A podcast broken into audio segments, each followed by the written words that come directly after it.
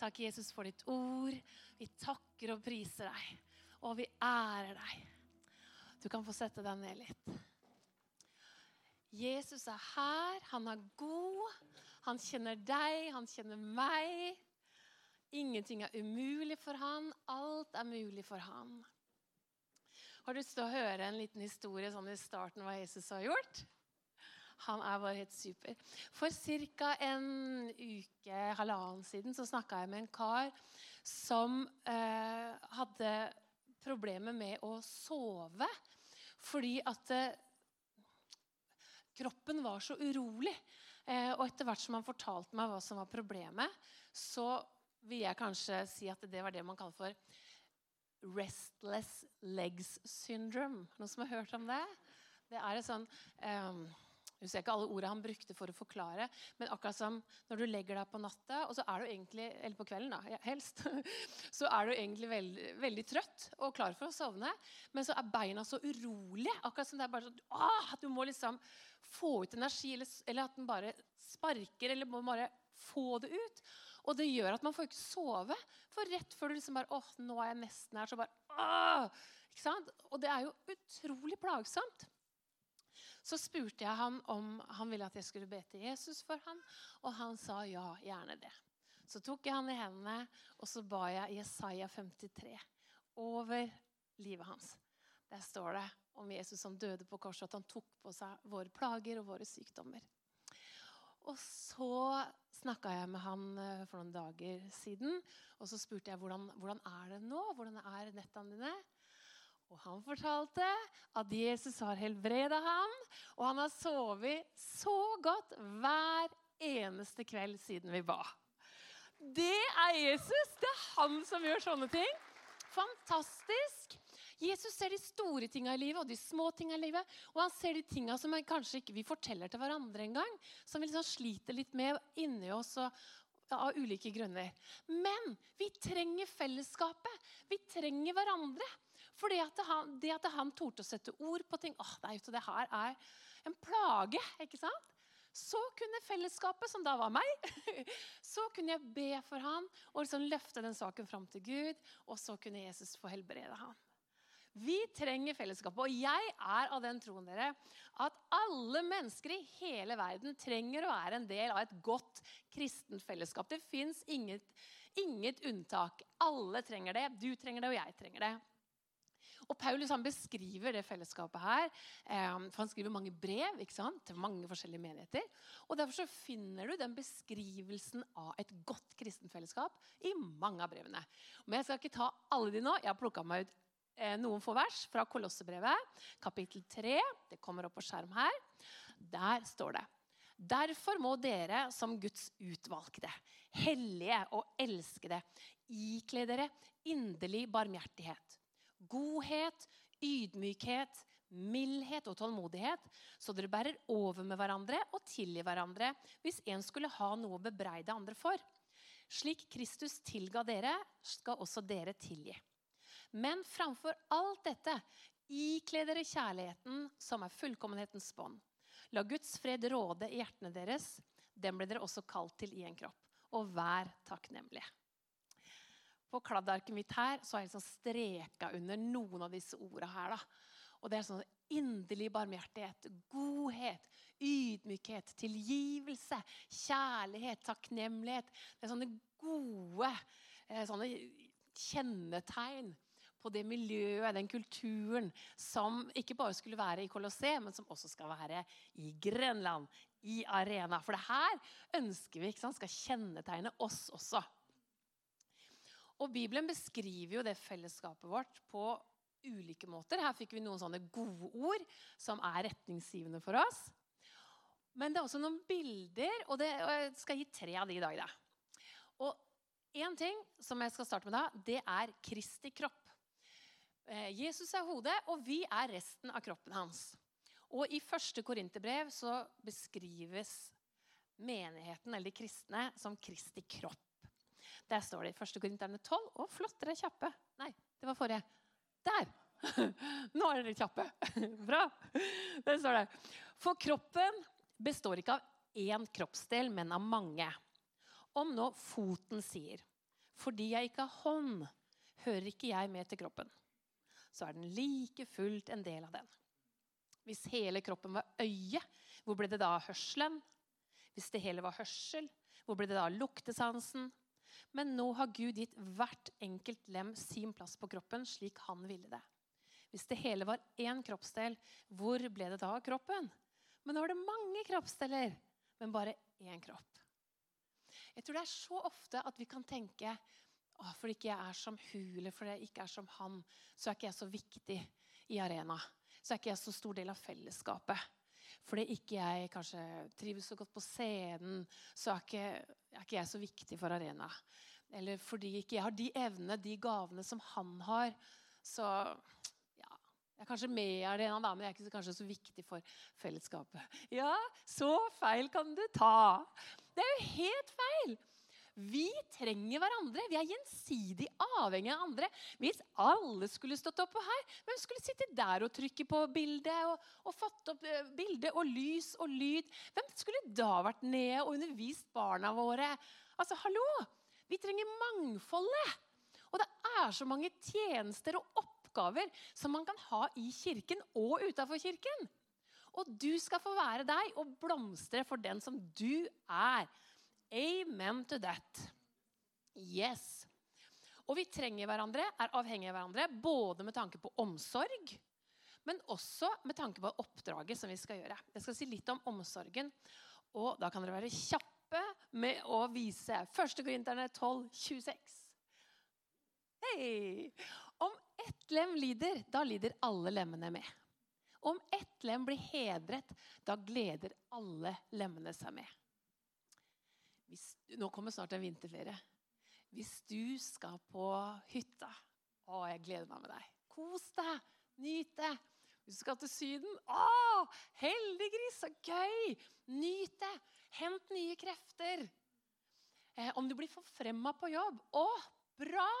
Good for you. Jeg gleder meg sammen med deg. Og sånn kan vi glede oss sammen med hverandre når du blir eh, Sånn som eh, den mannen som ble frisk. Jeg gleder meg sammen med han. Selv om jeg sjøl kan ha problemer med å sovne noen ganger pga. en sånn gæren nakke. Ja, men jeg gleder meg sammen med deg. Med deg. Med deg.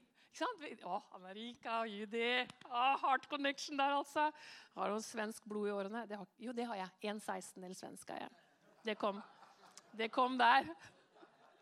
Vad bra, va? Jättebra. Jätte... Ja, helt nytt for deg. Ja. Da du hadde revurdert eh, det ja du ga til meg. Ja. Kunne ikke si det da, vet du. Var ikke det du tenkte? Nei. Noen hemmeligheter må vi holde. Nei da.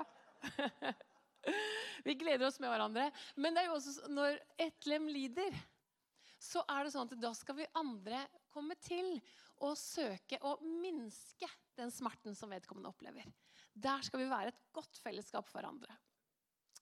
La meg stille et spørsmål. Og nå har jeg liksom sikra meg, for jeg tror at alle sammen kan bare nikke på det her.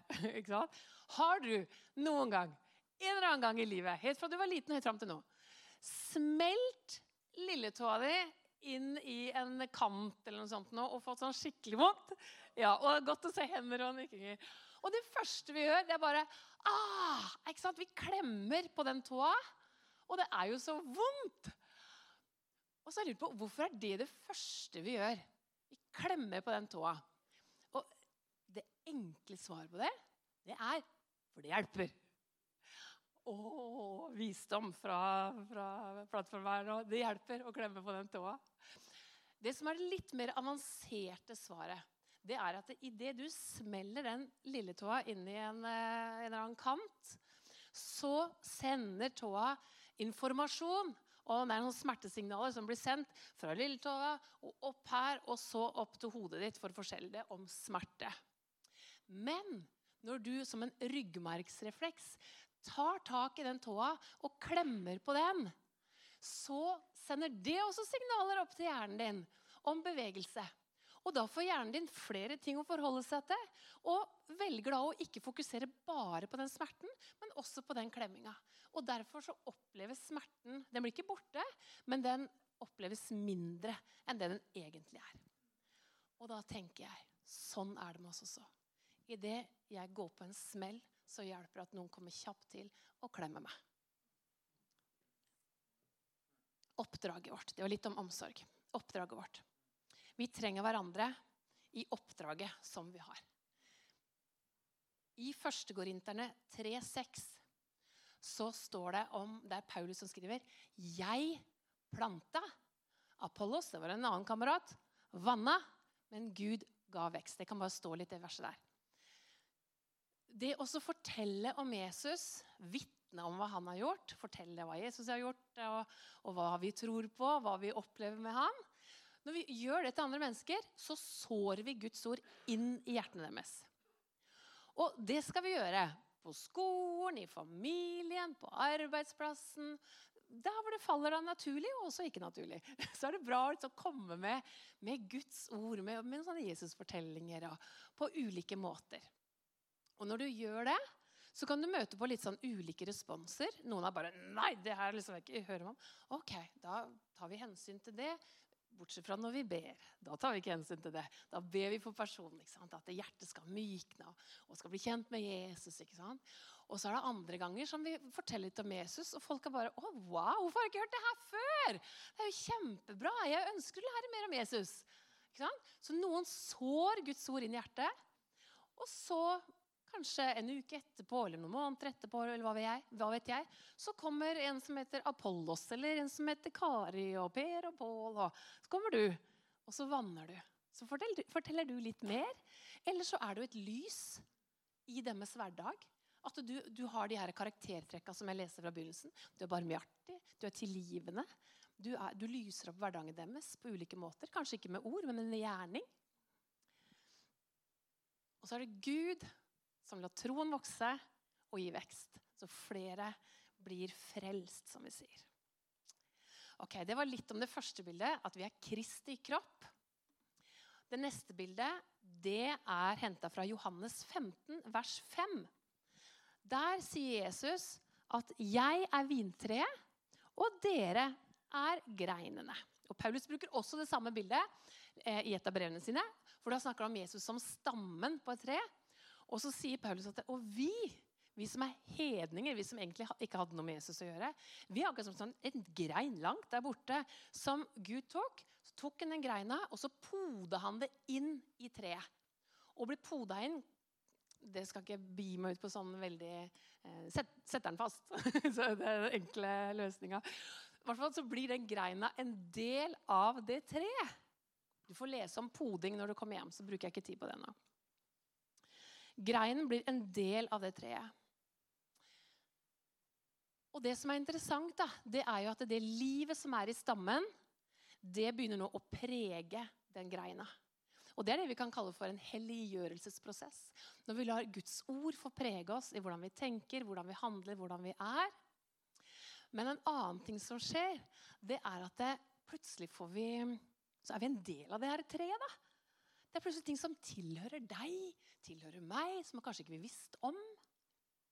Um, noen ganger så skjesser jeg Noen ganger, det er nesten hver dag, så skjesser jeg på sjokolade.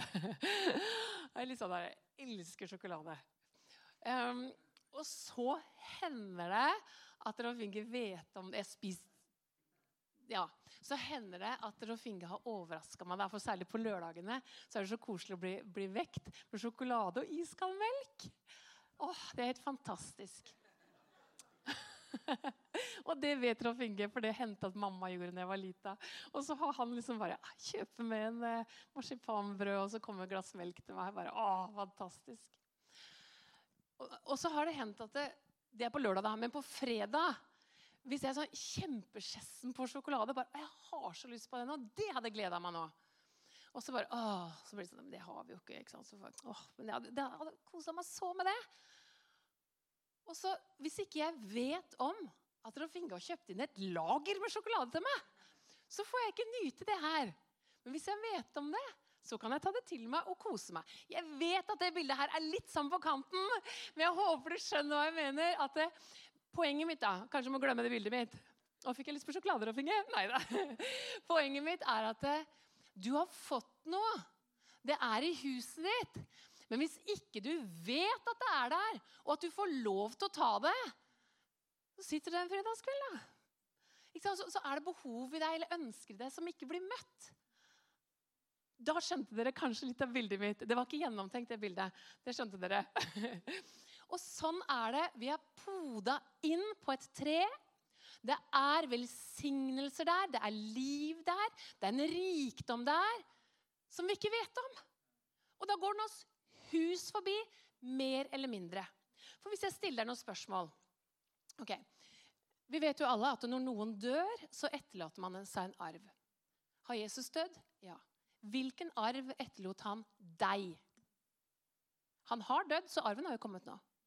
Bibelen sier noe om det.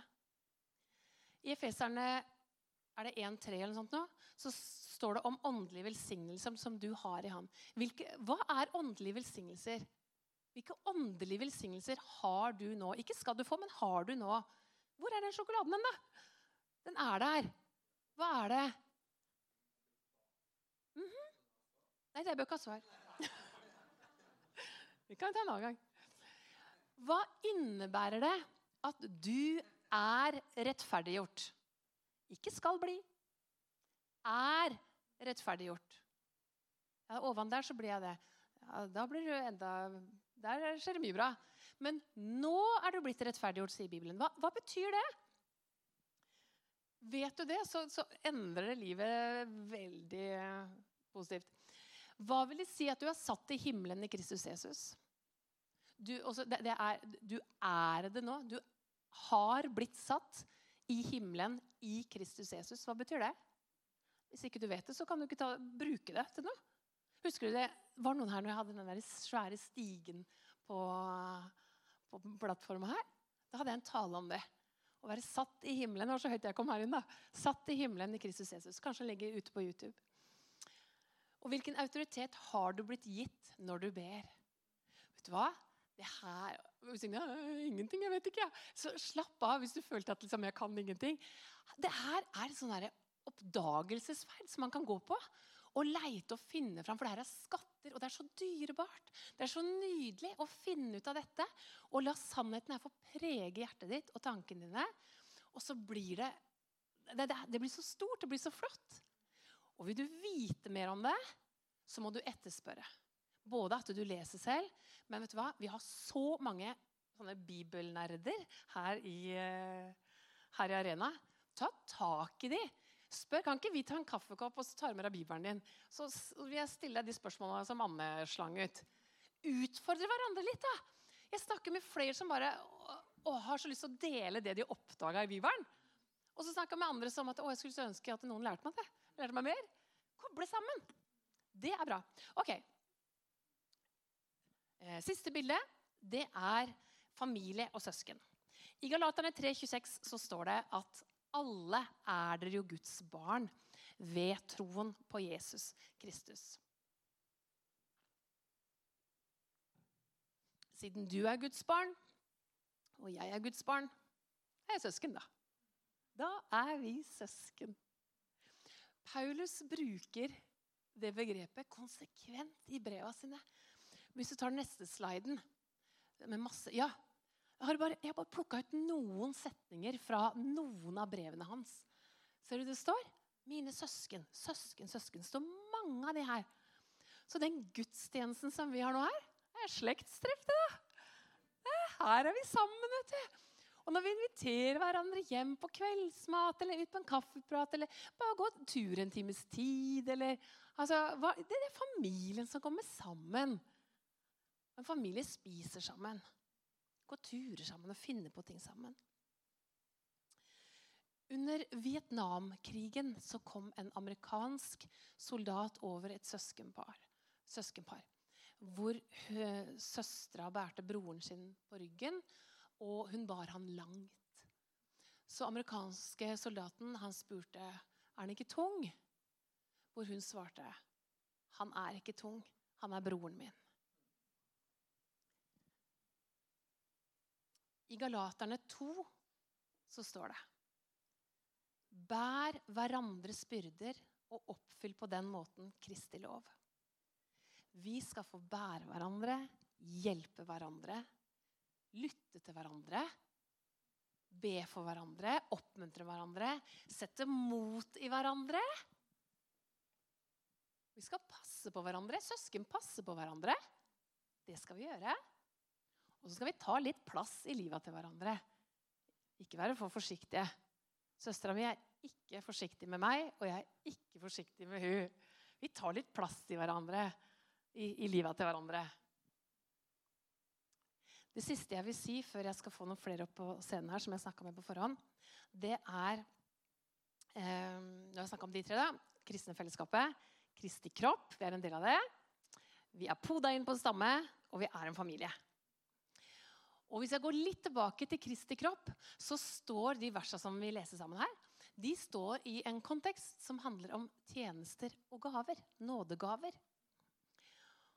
Og jeg tror at det kristne fellesskapet skal ha en overnaturlig dimensjon ved seg. Hvor vi ber sammen, inviterer Gud inn i vennskapet, inn i familien, inn i situasjoner. Og hvor under skjer, mirakler skjer, bønnesvar kommer. Det tror jeg 100% Det som er så artig, det er at du finner igjen og igjen at Gud vil gjøre det sammen med deg. Når noen opplever Gud, så er det gjerne gjennom en annen person. Ikke alltid, men veldig ofte. For han vil ha deg med. Han vil at du skal få oppleve det, du også. Og be sammen med noen, og gode ting. Be sammen med noen, og gode ting skjer.